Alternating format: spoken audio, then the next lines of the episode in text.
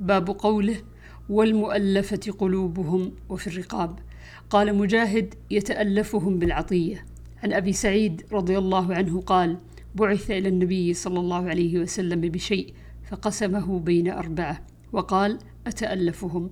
فقال رجل ما عدلت؟ فقال يخرج من ضئضئ هذا قوم يمرقون من الدين. باب قوله الذين يلمزون المتطوعين من المؤمنين في الصدقات. يلمزون يعيبون. جهدهم وجهدهم طاقتهم. عن أبي مسعود قال لما أمرنا بالصدقة كنا نتحامل فجاء أبو عقيل بنصف صاع وجاء إنسان بأكثر منه فقال المنافقون إن الله لغني عن صدقة هذا وما فعل هذا الآخر إلا رياء. فنزلت الذين يلمزون المتطوعين من المؤمنين في الصدقات والذين لا يجدون إلا جهدهم. الآية عن أبي مسعود الأنصاري قال كان رسول الله صلى الله عليه وسلم يأمر بالصدقة فيحتال أحدنا حتى يجيء بالمد وإن لأحدهم اليوم مائه ألف كأنه يعرض بنفسه. باب قوله استغفر لهم أو لا تستغفر لهم. إن تستغفر لهم سبعين مرة فلن يغفر الله لهم.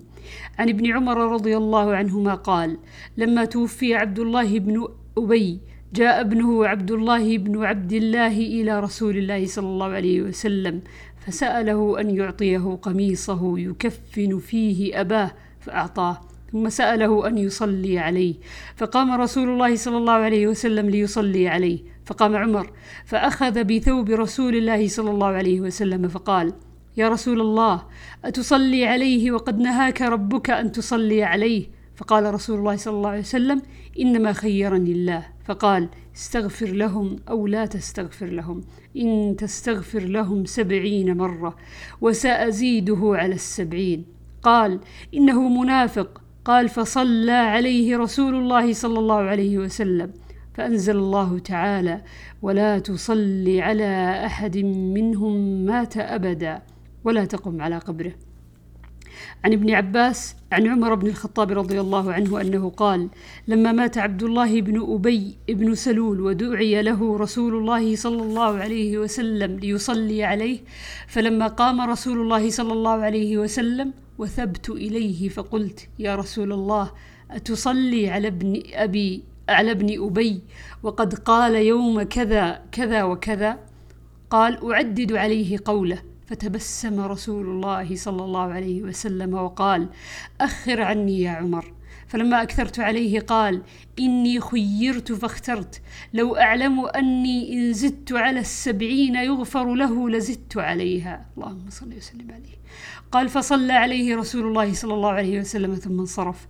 فلم يمكث يسيرا حتى نزلت الآيتان من براءة. ولا تصل على أحد منهم مات أبدا. إلى قوله وهم فاسقون؟ قال فعجبت بعد من جرأتي على رسول الله صلى الله عليه وسلم. والله ورسوله أعلم. باب قوله ولا تصل على أحد منهم مات أبدا ولا تقم على قبره. عن ابن عمر رضي الله عنهما أنه قال لما توفي عبد الله بن أبي جاء ابنه عبد الله بن عبد الله إلى رسول الله صلى الله عليه وسلم فأعطاه قميصه وأمره أن يكفنه فيه ثم قام يصلي عليه فأخذ عمر بن الخطاب بثوبه فقال تصلي عليه وهو منافق وقد نهاك الله أن تستغفر لهم. قال إنما خيرني الله أو أخبرني الله.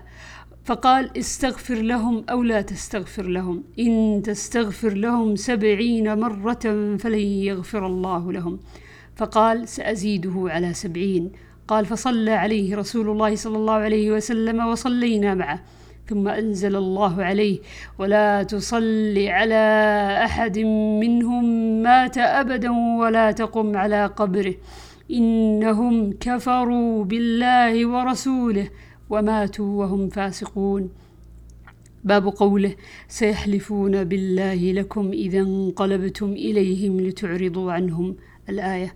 عن عبد الله بن كعب بن مالك قال سمعت كعب بن مالك حين تخلف عن تبوك والله ما أنعم الله علي من نعمة بعد إذ هداني أعظم من صدقي رسول الله صلى الله عليه وسلم الا أكون كذبته فأهلك كما هلك الذين كذبوا حين أنزل الوحي سيحلفون بالله لكم إذا انقلبتم إليهم إلى قوله الفاسقين.